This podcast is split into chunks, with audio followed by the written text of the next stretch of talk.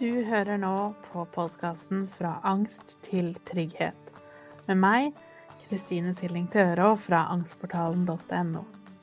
I denne podkasten skal vi snakke mer om hva angst er, hvordan du kan utfordre den, og hvorfor trygghet er så viktig.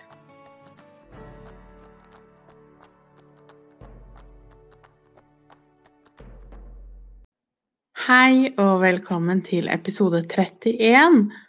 Og i dag så skal vi snakke om når kroppen sier stopp. Så vi skal snakke om hvordan angsten egentlig påvirker kroppen over tid. Hvorfor dette er en veldig vanlig ting å overse før du plutselig står deg selv. Og litt hva gjør vi nå, når vi først sitter der og kroppen har stoppet helt så aller først så tenker jeg at det med den fysiske kroppen vår, eller den fysiske delen av angsten, det er vel kanskje den delen av angsten som er mest oversett eller lite snakket om eller misforstått. Jeg husker så godt selv hvor lang tid det tok før jeg forsto at det var angst, fordi at det jeg kjente i kroppen, var så fysisk. For meg så var angst noe som gjorde at du var litt nervøs.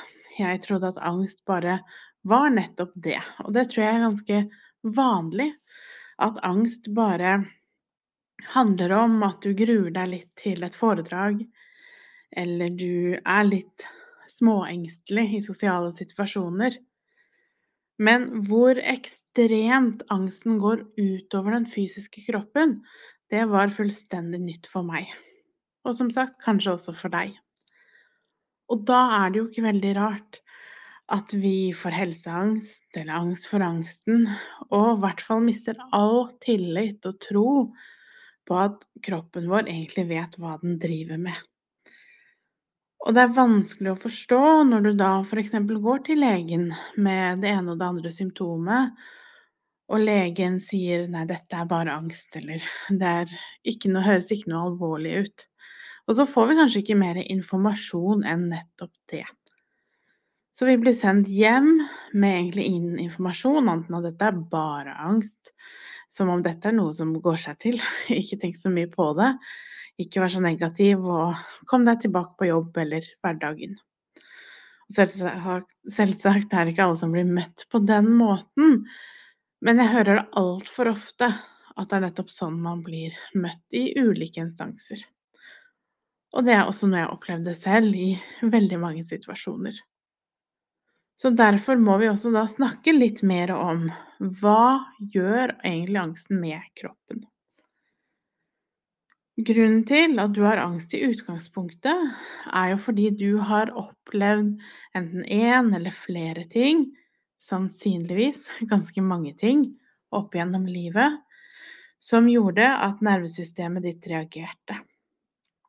Og nervesystemet, det reagerte fordi noe føltes utrygt eller ubehagelig. Eller det ga ikke mening.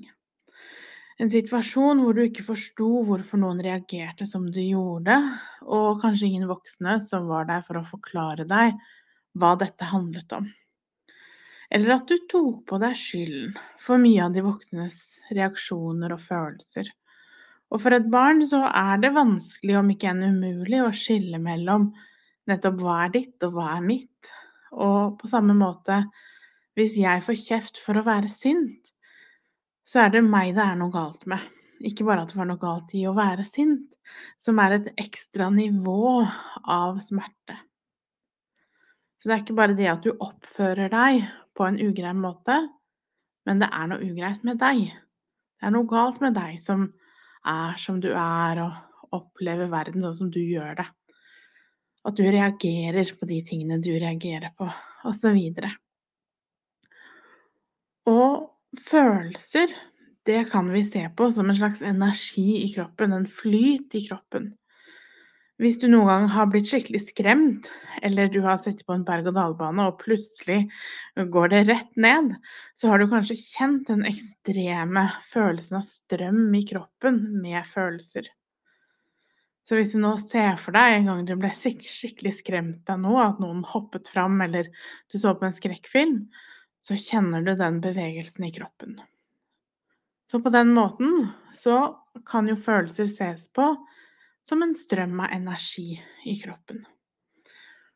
Og følelser fungerer på den måten at de må føles igjennom, og så forsvinner de. På samme måte som et barn på kanskje tre år kaster seg ned i en eller annen følelse, kanskje en ekstrem frustrerthet over å, over å ikke få til å knyte skolissene, eller ikke få til det de så for seg at de skulle få til, og så brast hele verden. Og nettopp sånn er det jo med oss voksne også. Det er bare det at forskjellen på det barnet og deg, er at barnet ikke eller enda har lært at det ikke er lov å være så høylytt. Det er ikke lov å uttrykke så sterkt det du føler. Så barnet føler seg gjennom følelsen med skrik og kanskje tramp og slag og alt mulig rart. For så å reise seg opp igjen, og så har det gått over og så var det greit igjen. Og spesielt hvis man har trygge voksne rundt seg som hjelper deg med å guide deg og måte veilede deg gjennom den følelsen og opplevelsen. Sette ord på det, f.eks. Men som voksne har vi jo veldig ofte ikke veldig mye kompetanse på akkurat dette området. I hvert fall ikke med oss selv. Og det ender med at de følelsene da blir sittende fast.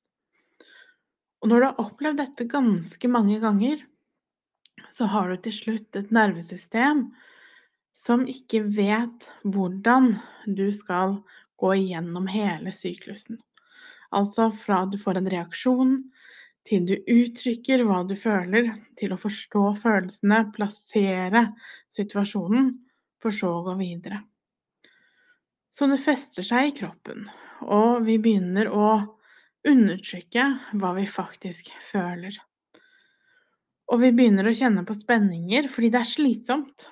Det er kjempeslitsomt å gå gjennom et helt liv og altfor ofte si ja når du skulle ha sagt nei, når du skulle ha tatt noen minutter for deg selv bare for å summe deg litt, når du skulle ha satt grenser, som vi snakket om i forrige episode, og du ikke helt makta å sette grenser enten for hva andre gjorde, eller hva som er ok for nettopp deg.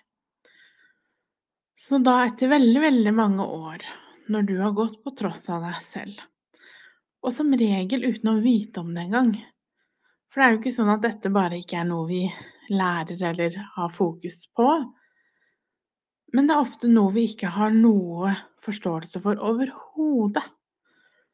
Så vi vet ikke engang at det er dette her som skjer. Og det er jo det som fort blir så veldig, veldig alvorlig. Så plutselig, når angsten plutselig flommer over, fordi at den trykkokeren som kroppen din etter hvert blir, ikke makter å holde på mer, ikke klarer å holde mer reaksjoner innvendig, og alt bare braser ut. Kanskje i form av et panikkanfall, Kanskje i form av krampegråt, eller en gråt over tid som du ikke klarer å holde tilbake, uansett hvor mye du prøver. Eller rett og slett en fysisk utmattelse i kroppen. At du føler deg så sliten at det helt basistingene du skulle ha gjennomført i løpet av en dag, det er bare det du makter. Og da er det ikke så rart, når vi ikke har noe noen bevissthet overhodet over hva som har skjedd, så er det jo ikke så rart at da skjønner vi i hvert fall ingenting når vi kanskje kommer hjem fra jobb og bare må gå og legge oss. Eller vi begynner å isolere oss, vi begynner å si nei til avtaler, si nei til folk som står deg nær, fordi du ikke lenger makter å stå på beina, motivere deg eller komme deg ut. Og til slutt så går det kanskje også over jobben, at du ikke lenger klarer å møte opp, fordi at kroppen er så intenst sliten.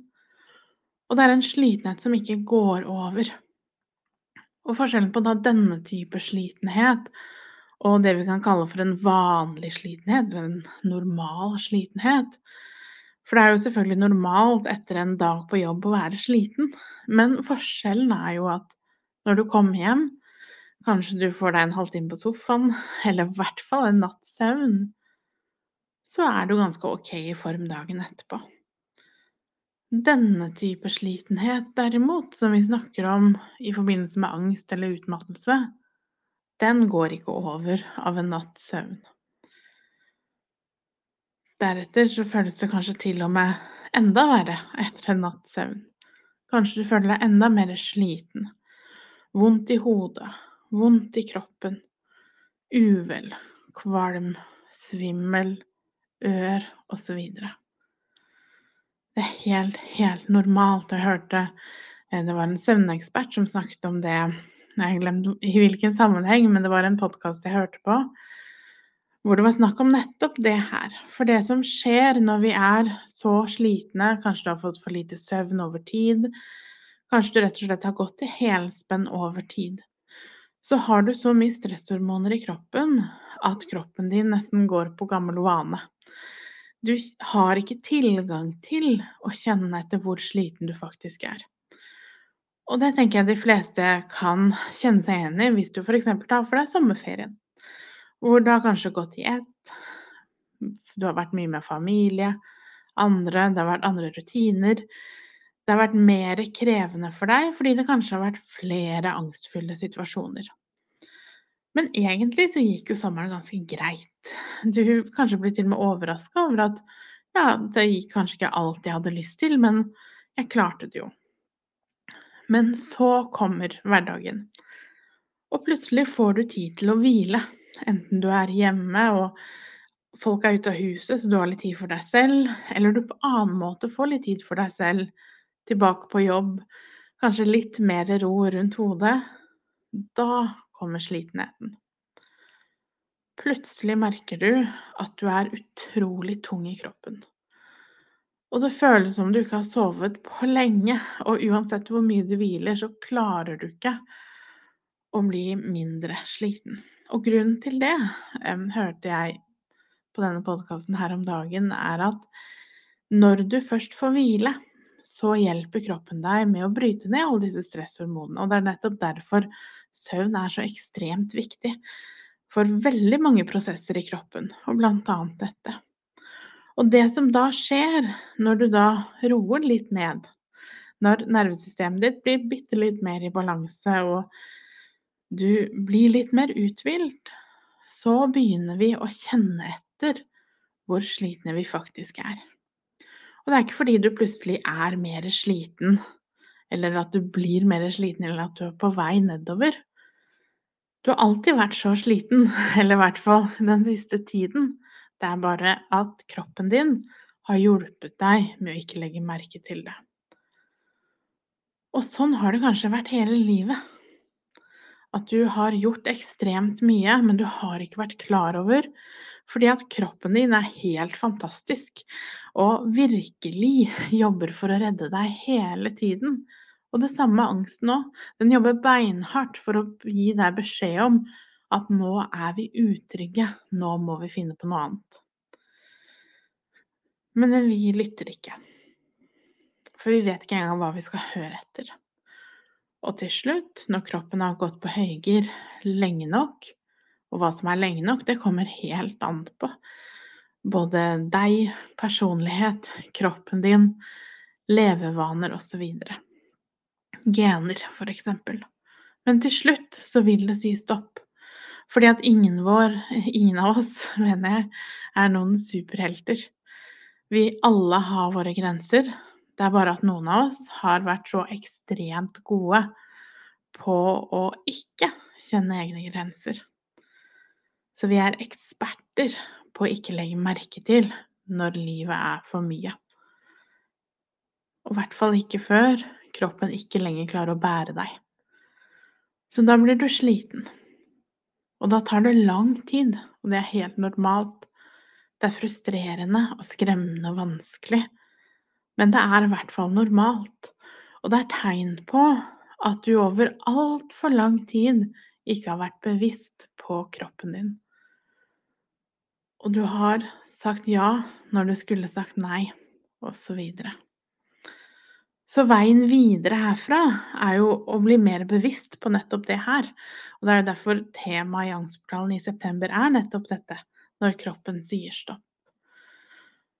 For det er ganske krevende å gå fra en hverdag hvor du kanskje ikke har noe kontakt med kroppen, og i hvert fall ingen forståelse for deg og kroppen, til å plutselig respektere den. Og første steget da er jo nettopp å begynne å legge merke til hva som egentlig foregår. At det du opplever som uro eller slitenhet, kanskje egentlig er helt andre følelser som ligger skjult. Og det tar tid å bli kjent med deg selv på nytt. Bli kjent med hvem du er, hva du liker, hva er dine grenser. Og ikke minst det jeg har syntes vært aller, aller vanskeligst, er jo nettopp at jeg er en person som har lov til å ha grenser. Som det er verdt å ta vare på, som fortjener å ha det bra. Og det høres ut som det enkleste i verden, men jeg vet, kanskje spesielt for oss damer, men samtidig er dette også veldig universalt, så sitter det veldig langt inne å gjøre alle disse tingene for oss selv. Men med små steg i riktig retning, så vet jeg at du vil komme dit, du òg. Men det krever tid. Og jeg tror noe av det viktigste er å begynne å kaste litt ut fordommer eller tanker vi allerede har overfor oss selv. Eksempel at du hadde fått det bedre hvis du hadde bare stått på litt mer. At du ikke hadde vært så lat. At du hadde vært litt mer positiv. Kanskje du skal jobbe litt mer med takknemlighet. Som alle er konsepter som bare gjør at vi føler oss dårligere. Fordi at er, du er ikke så sliten du er fordi du ikke er positiv nok eller flink nok, eller aktiv nok. Det er kanskje heller tvert om. Så veien videre handler veldig mye om å tillate å være der du er. Tillate de vonde følelsene. Lære deg verktøy for hvordan du nettopp kan tillate de. For det igjen, å bare tillate, det er en enkel ting å si, men det er utrolig vanskelig i praksis, og det er kanskje det vanskeligste i denne prosessen, å tillate å ikke ha det bra. At du får lov til å ha dårlige perioder. At andre får lov til å ta vare på deg, kanskje for en gangs skyld. Og vikle litt opp i alle de tankene og fordommene du har rundt deg selv og dine roller. Kanskje er du mamma eller pappa, for eksempel som i seg selv er et virvar av dårlig samvittighet og skam, og over tid også gjør at alle disse konseptene, alt vi har snakket om i dag, blir ekstra mer kaotisk og vanskelig. Eller du har andre roller på jobben, overfor familie osv., som gjør at du kanskje over tid ikke helt har følt at du kunne være deg selv, at du spiller veldig mange roller istedenfor å egentlig være den du er, og slippe maska. Og husk, dette tar tid. Dette er ikke gjort over natta. Men du får lov til å prøve. Du får lov til å tenke over hvordan hadde det vært hvis jeg hadde vært helt ærlig. Og kanskje først og fremst helt ærlig overfor deg selv. Og det er kanskje noe av det vanskeligste. For klart, én ting er å skulle være ærlig med de rundt om hva du ikke ønsker osv. Men når det kommer til oss selv, så ljuger vi jo gjerne hele tiden. Så hvis du akkurat nå skulle vært helt ærlig med deg selv, og tenke på f.eks. resten av denne dagen, hva er det du da trenger? Og legg deg merke til om det er noe her du ikke tør å si. Noe du kanskje til og med blir litt irritert over at du nå tenker over, fordi du vet du ikke kan gjøre det med deg likevel. Det er de små tingene, eller egentlig ganske store tingene, jeg vil du skal tenke litt over. Hvorfor blir du så irritert eller sint eller frustrert av å skulle måtte ta noen avgjørelser som er til ditt beste, men som kanskje ikke nødvendigvis er det for andre rundt? Så med tid så vil dette her bli lettere. Og er du angstplan, så gleder jeg meg veldig mye til å snakke mer om dette i september. Du vil også få tilgang til en bonusepisode hvor jeg skal snakke mer om min reise med dette her med å hva jeg gjorde når kroppen min sa fullstendig stopp, og jeg ikke klarte å gjøre noe annet enn å egentlig sitte og ble leid over gulvet, egentlig, fordi at alt gjorde meg fullstendig utslitt. Og vi skal ha fine gjester, eller fin gjest. Eh, vi skal ha meditasjoner. Vi skal snakke mye mer om det temaet her, og det gleder jeg meg veldig til. Så si ifra hvis det er noe du lurer på, og ta godt vare på deg selv. For å lære mer om angstmestring og mine metoder, så går du til angstportalen.no. Du finner meg også på Instagram som Angstpedagogen, og på Facebook som angstportalen.no. Der har jeg også en gratis Facebook-gruppe hvis du har lyst til å komme i gang og bli kjent med andre som har det på samme måte.